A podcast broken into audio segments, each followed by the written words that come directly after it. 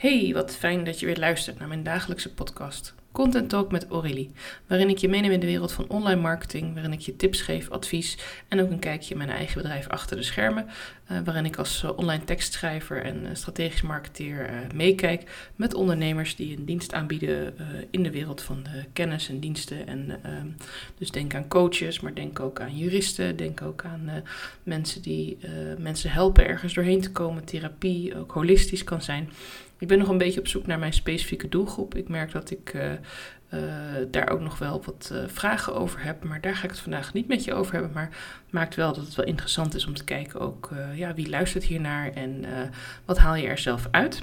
En ja, je doelgroep is ook onderdeel van je focus. En het thema wat ik vandaag graag met je wil bespreken is: hoe snel verlies jij je focus?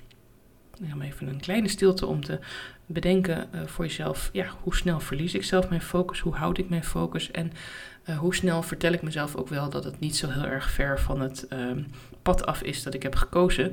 En hoe ik eigenlijk um, toch gewoon lekker bezig ben en ik ben toch lekker aan het delen of ik ben lekker aan het posten en het gaat toch goed. Ja, maar uh, denkt jouw volger ook, hé, hey, bij haar moet ik zijn of bij hem moet ik wezen.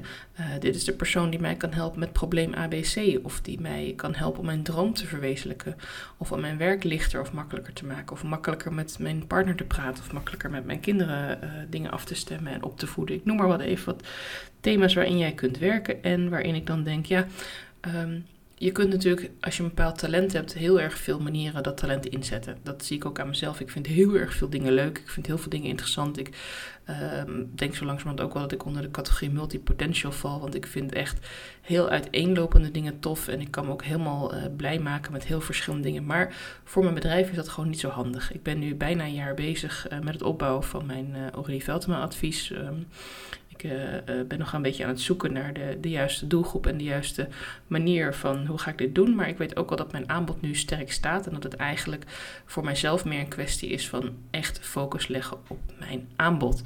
Uh, de kracht van drie, ik heb drie typen aanbod een sessie waarin we één op één praten. Uh, het herschrijven van tekst op je website of juist het bijhouden van je socials uh, voor minimaal drie maanden. Dus je kunt echt kiezen op welke manier je fijn vindt om, om samen te werken, heel kort en, en bondig.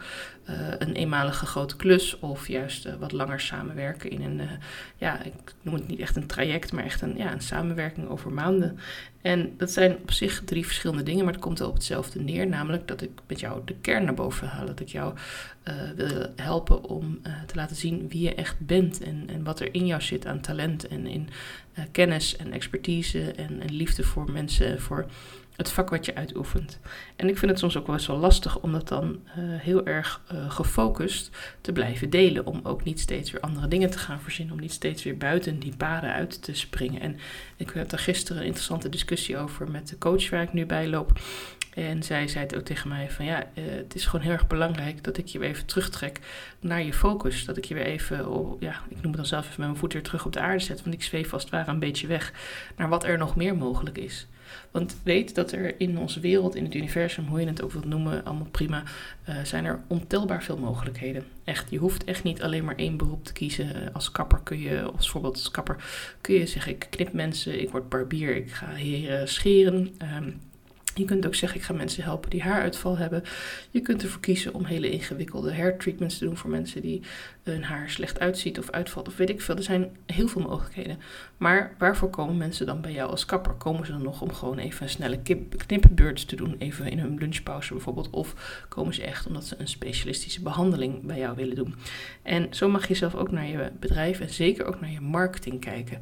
Waarvoor ben je er? Wat is jouw aanbod en waarvoor ga ik jou vinden? Want als ik namelijk op jouw Instagram feed zie ik zag toevallig van de week iemand die was, uh, nou moet je me even vergeven dat ik niet helemaal precies meer weet, maar laat ik het even overdrijven, want ik weet werkelijk niet meer wat ze zag. Maar het, was iets van, ze was uh, bijvoorbeeld uh, jurist en grafisch ontwerper en marketingstrateeg.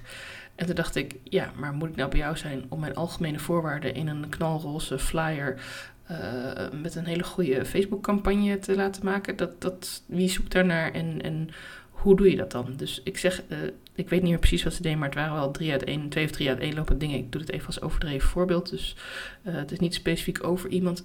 maar het geeft even aan dat als jij niet heel duidelijk bent in je focus, in je boodschap, waarvoor jij er bent, waarvoor jij uh, hier staat, en dat is ontzettend lastig, dan weet jouw klant het ook niet. En dan wordt het heel moeilijk voor jouw klant om jou te blijven volgen, om enthousiast te worden, om anderen te vertellen over jou van hé, hey, zij is een hele goede jurist of een hele goede grafisch designer of een hele goede uh, marketeer of juist heel sterk in teksten schrijven.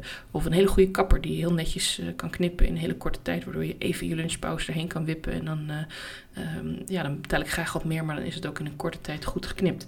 Snap je?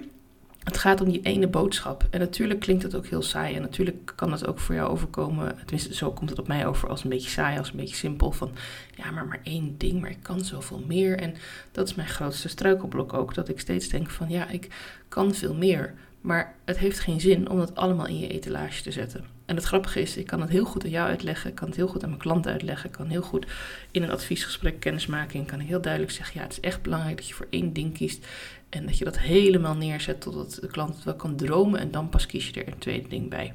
Ik heb zelfs een OOO-lijst een tijdje bijgehouden en dat zou ik eigenlijk weer moeten doen, uh, waarop dan uh, op, uh, opruimen, opschalen en opstarten staat. En um, ja, bij mij is mijn opstartlijstje gewoon hartstikke groot en lang. En ik mag er eigenlijk maar één per zoveel weken oppakken. Maar toch schiet er af en toe weer eentje tussendoor.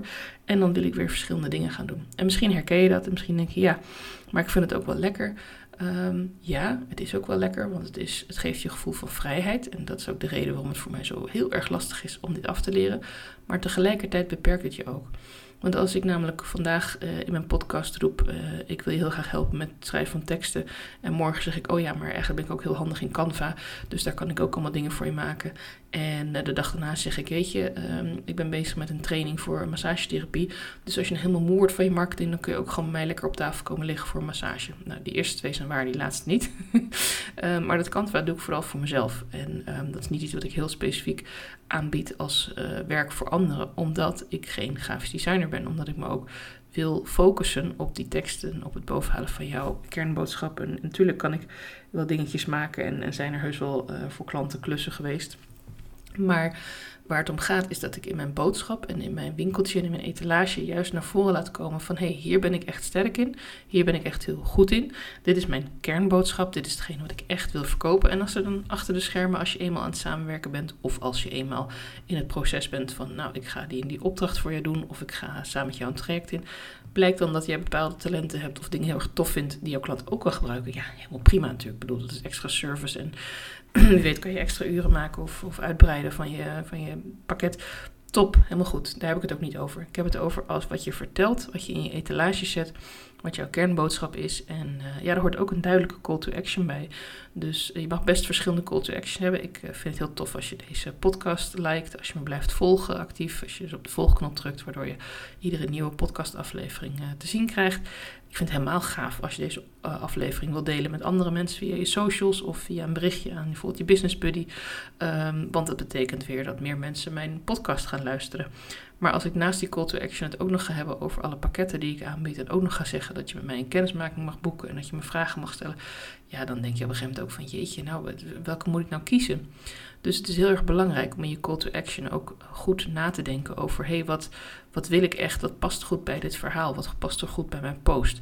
Eén call to action onder één verhaal is gewoon hartstikke helder en hartstikke duidelijk. En dan mag je best wel uh, om de paar dagen weer een andere call to action hebben. Of dat je verschillende posts verschillende dingen aanbiedt. Maar probeer het wel een beetje dicht bij elkaar te houden.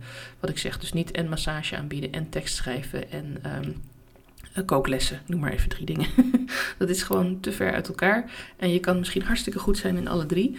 Maar maak dan om te beginnen eerst een keuze in wat je gaat delen en wat je gaat vertellen. En wil je het echt, echt, echt heel erg graag alle drie overwegen dan om verschillende accounts te maken. Of om bijvoorbeeld te zeggen, nou op LinkedIn uh, heb ik het over strategie. En op Facebook geef ik kookles uh, tips. En op Instagram, wat zei ik als derde, grafisch design geloof ik. Nou, je snapt me wel een beetje. En het is ook heel erg belangrijk, namelijk om je boodschap te blijven herhalen. En hoe kun je nou iets herhalen wat je steeds weer wisselt van boodschap, waar je steeds weer iets anders roept? En dan valt er ook niet zoveel te herhalen. En mensen hebben nu eenmaal flink wat contactmomenten met jou nodig om te horen wat je aanbiedt, om te horen hoe je het aanbiedt en wat het resultaat is van dat ene aanbod voordat ze overgaan tot een aankoop. En natuurlijk heb je altijd de uitzondering die de regel bevestigt, maar in de meeste gevallen hebben mensen toch zeker wel, nou soms is het zeven keer, soms is het dertig keer contact met jou nodig. En als je dan in die dertig keer eigenlijk uh, vijf of zes verschillende aanbodtypen doet met vijf verschillende uh, call to actions, ja dan wordt het heel erg lastig en dan heb je eigenlijk nog veel meer contactmomenten nodig, want dan weten mensen niet waarvoor ze bij jou moeten zijn. En dan kan het natuurlijk zijn dat je net als ik heel goed bent in, in praten met mensen en dingen uitleggen en dan in te tunen op één persoon. Maar dan kun je alleen maar verkoop per persoon doen. En als je als ondernemer wil groeien, is het ook wel handig om een grotere groep mensen aan te kunnen spreken. Om hen eigenlijk met goede teksten en met goede filmpjes, je podcast, allemaal mee te kunnen nemen. En niet per stuk uh, je klanten laten worden. Tenzij je natuurlijk dat in jouw model zit. Maar laat ik er nu even vanuit gaan dat je toch wel een iets grotere lead vijver wilt dan één dan is het gewoon ontzettend belangrijk om echt je focus te houden op één boodschap, op één uh, specifieke medium. Uh, zet daar gewoon echt je energie op in, want je kunt niet alles tegelijk en je kunt niet alles even goed doen. Hoe leuk het ook is en hoe tof het ook is en hoe makkelijk het ook soms lijkt voor sommige mensen, echt, als je echt, echt iets goed wil doen en je wil echt mensen bereiken, dan zul je even moeten opgeven dat je het super leuk vindt om heel veel aan te bieden en je even mogen focussen op dat ene ding. Heb je hier een vraag over, mag je natuurlijk altijd een berichtje sturen. En mijn call to action heb ik eigenlijk al genoemd tijdens de podcast. Uh, uh, blijf mij volgen, geef me een rating als je deze afleveringen leuk vindt. En ja, als je iets hebt gehad in deze aflevering, of je weet iemand anders die er heel van hebt, zou ik het natuurlijk heel tof vinden als je mijn aflevering wil delen met jouw business buddy of een andere ondernemer die je kent. Want uh, ja, zo komen meer meer mensen eh, met mij in contact. En dat is voor mij hartstikke fijn, want dan kan ik ook weer meer mensen gaan helpen. Ik wens je een hele, hele fijne dag. En ik hoop je te horen te spreken bij mijn volgende podcastaflevering.